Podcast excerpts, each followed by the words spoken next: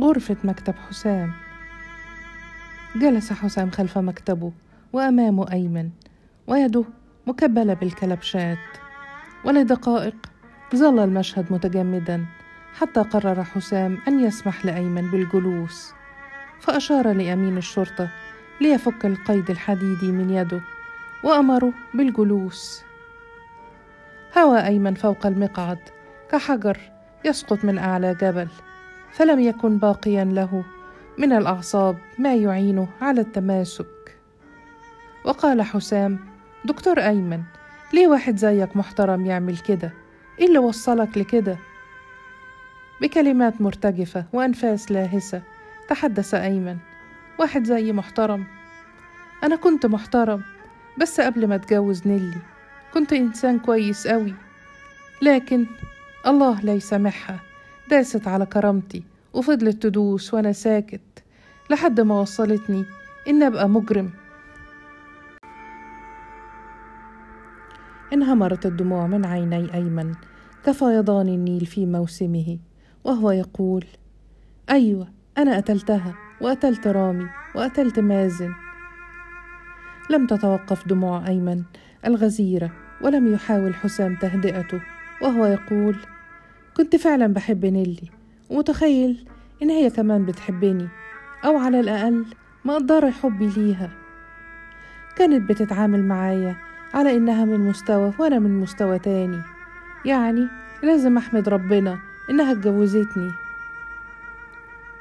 ودون أن يحاول تكفيف دموعه التي ابتلت منها لحيته الكسة واصل أيمن قائلا آه ساعدتني في أول حياتي وفتحت لي المركز بتاعي رغم إني كنت رافض لكن هي قالت نبقى شركة وللأسف أنا وافقت.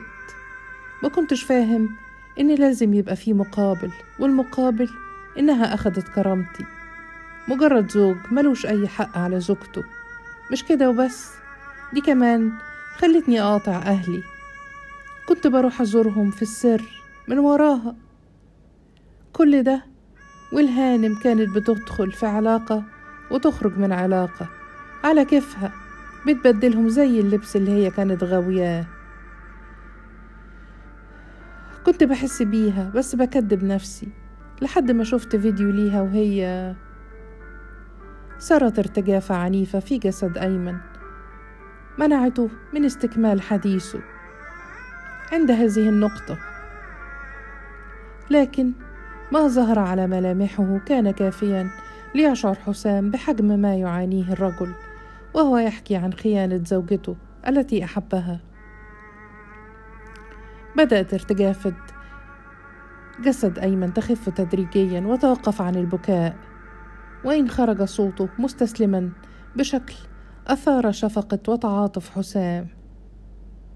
هي وصاحبي مع بعض في أوضة النوم صاحبي الوحيد أو اللي كنت فاكره صاحبي طلع إنسان ندل قذر. كانوا مسافرين قبل الحادثة بأسبوع في العين السخنة. أسبوع وأنا عارف إنهم مع بعض. أسبوع وأنا عايش في جحيم مش عارف أعمل إيه. سايبة الولد عيان ورايحة. صمت أيمن للحظات قبل أن يستكمل حديثه بنفسه النبرة المستسلمة. كنت هتجنن وأنا بتجيلي صورهم وفيديوهاتهم.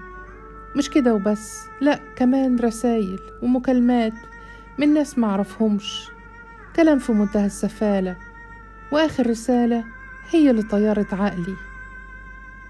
كانت إن مازن مش ابني. حسيت من كتر الرسايل والكلام إن أنا الوحيد اللي ما كنتش عارف إن مراتي خاينة.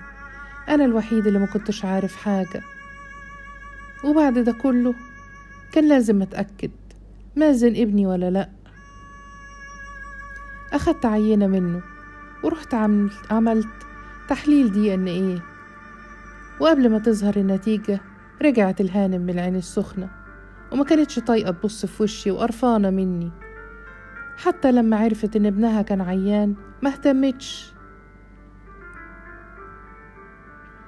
توقف أيمن عن الحديث. ليطلب بعض الماء يداوي به جفاف حلقه الشديد. فأمر حسام بإحضار كوب من الماء البارد له. تجرع أيمن كوب الماء حتى آخر قطرة ثم استجمع ما بقي له من أعصاب واستطرد قائلا. يوم الخميس طلعت نتيجة التحليل وللأسف طلع مازن مش ابني ومعرفش مين أبوه. كان ممكن أستحمل خيانتها. لكن إن ابني اللي بقاله في حضني سنتين مش ابني. ده كان صعب قوي عليا. الدنيا سودت في وشي وفكرت إن أخلص منها ومن رامي ومن الولد. اللي كان هيعيش بذنب هو ما عملهوش وما يعرفش حاجة عنه. صمت أيمن قليلا. فيما لم يفكر حسام في مقاطعته إطلاقا وتركه يستجمل شجاعته ويواصل اعترافه قائلا يوم الجمعة ما كانش في حد من الشغالين في الفيلا. رحت واجهت نيلي باللي أعرفه. هي اللي خلتني أقتلها متكبرة وأنانية اعترفت بكل برود إنها كانت مع رامي. عادي كده وإنها مش بتحبني وزهقت مني وعايزة تتطلق. ما حسيتش بنفسي غير وأنا بقتلها. منظر الدم كان صعب. ما كنتش حاسس بنفسي. جريت على الولد قتلته. بعدها نزلت من البيت ومشيت في الشارع. كلمت رامي من تليفون في الشارع. وطلبت منه نتقابل هو في وقتها كان سهران برا في الزمالك. فأخدت Uber ورحت أقابله. ولما اتقابلنا عملت نفسي تعبان وطلبت منه يوصلني البيت. وهناك قتلته زيهم وشوهت وشه ووش نيلي وغيرت هدومي بهدوم رامي. وأخدت ال hard بتاع الكاميرات ولميت المجوهرات بتاعت نيلي والموبايلات ورجعت على البيت عند والدتي. حكيت اللي حصل وطلبت منهم يقولوا إن اللي مات ده أنا مش رامي. حسام فين الرسائل والصور والفيديوهات اللي كانت على موبايلك؟ أيمن مسحتهم. حسام صارخا. ليه يا دكتور؟ ده كان ممكن يحسن موقفك في القضية. أيمن كفاية فضايح لحد كده. الحاجات دي لو هتجيب لي البراءة أنا مش عايزها ومش عايز مخلوق يشوفها تاني. أنا خلاص انتهيت. اعتراف أيمن التفصيلي. وضع كلمة النهاية لغموض جريمة فيلا المعادي. إذ تم عرضه على النيابة العامة التي أمرت بحبسه احتياطيا على ذمة القضية. ولم يوجه حسام في محضره. المحال إلى النيابة أي اتهام إلى ندى شقيقة أيمن أو إلى والدته مكتفيا بما ألم بهما من مصائب ولم يشعر حسام بأنه ارتكب خطأ غير قانوني لأنه تعلم أن الرحمة فوق العدل وأن القانون يجب أن يتحلى بالإنسانية.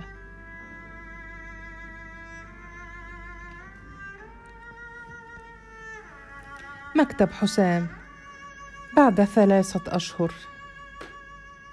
كان حسام يجلس في مكتبه وأمامه تقف سميرة.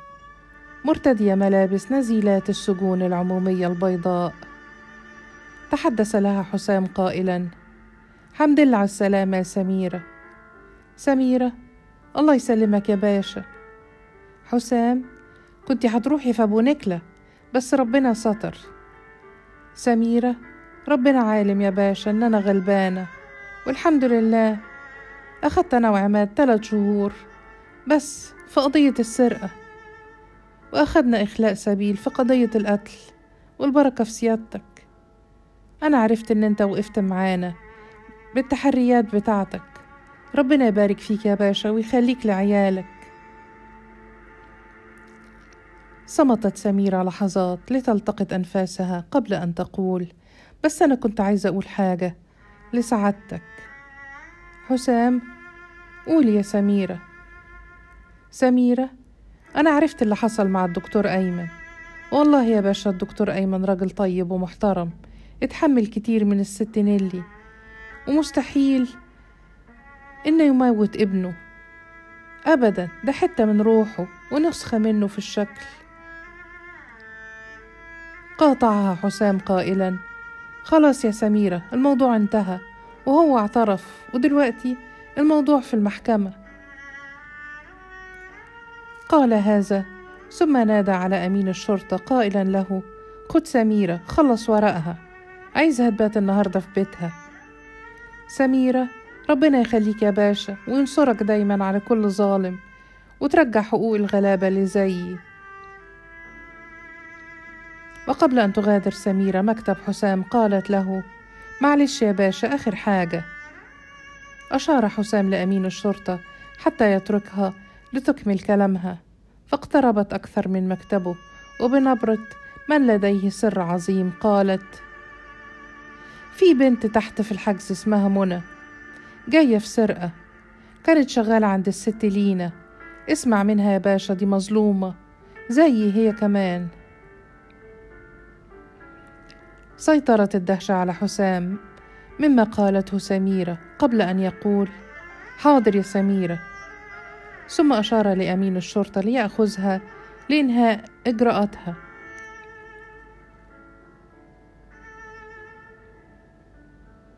كوستا كافيه الساعة التاسعة مساء.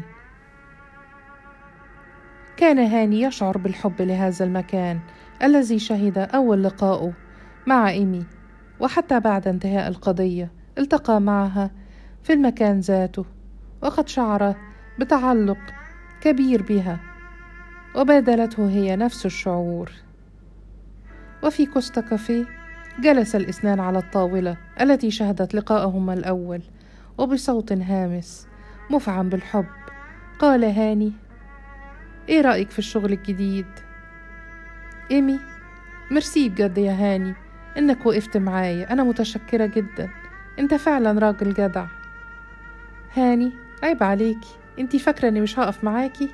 وبعدين إحنا مباحث ولينا علاقاتنا برضو. ونقدر على أي حاجة إن شاء الله. منحته إيمي. ابتسامة عذبة ازداد معها وجهها إشراقا ونضارة. وتألقت عيناها ببريق الحب الصافي. فيما نظر إليها هاني مبتسما أيضا وهو يقول مداعبا والنبي سكر وعسل. ثم حاول أن يكسو صوته بجدية مرحة وهو يقول مش هنروح بقى البيت عندكم عشان نقابل عم وطنط واخطبك وخلاص؟ استقبلت إيمي عبارة هاني المرحة بوجه تشرب بحمرة الخجل حتى تحول إلى لوحة فنية رفيعة الطراز وحاولت تفادي الموقف بالإمساك بهاتفها المحمول. لتدس عينيها في شاشته وبحركات رقيقة من أصابعها قلبت في هاتفها لعلها تجد مهربا من الخجل الذي اعترض أثره جسدها بأكمله. هاني أنا مش بهزر أنا بتكلم جد. أنا خلاص اتأكدت إنك أنسب إنسانة وأجمل وأرق إنسانة ممكن أرتبط بيها.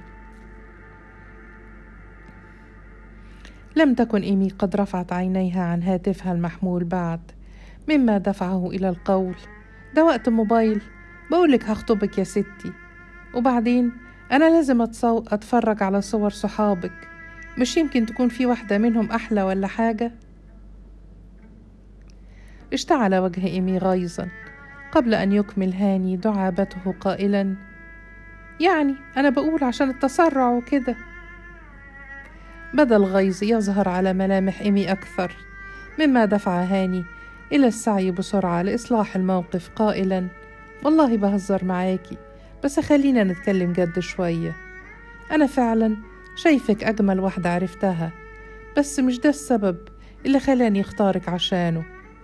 أنا شايف كل حاجة فيكي جميلة يعني من الآخر كده انتي اللي على بعضك كلك حاجة حلوة وجميلة.